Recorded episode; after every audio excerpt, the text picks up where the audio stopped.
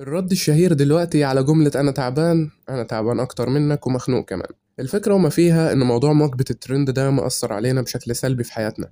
مخلينا عايزين دايما نكون في مسابقة أو إحنا بنحط نفسنا في سبق إحنا في غنى عنه أصلا.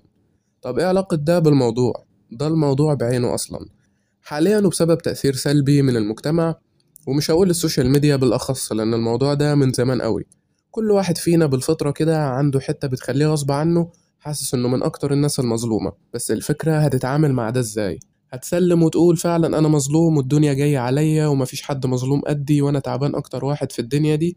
ولا هتقاوم ده؟ وهتحاول تكون دايما بتعافر في كل خطوة. وعندك عند شديد تجاه أي حاجة بتعملها أو أي تحدي بيقابلك.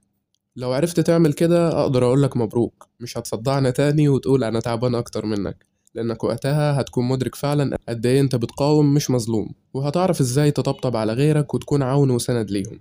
وبس كده.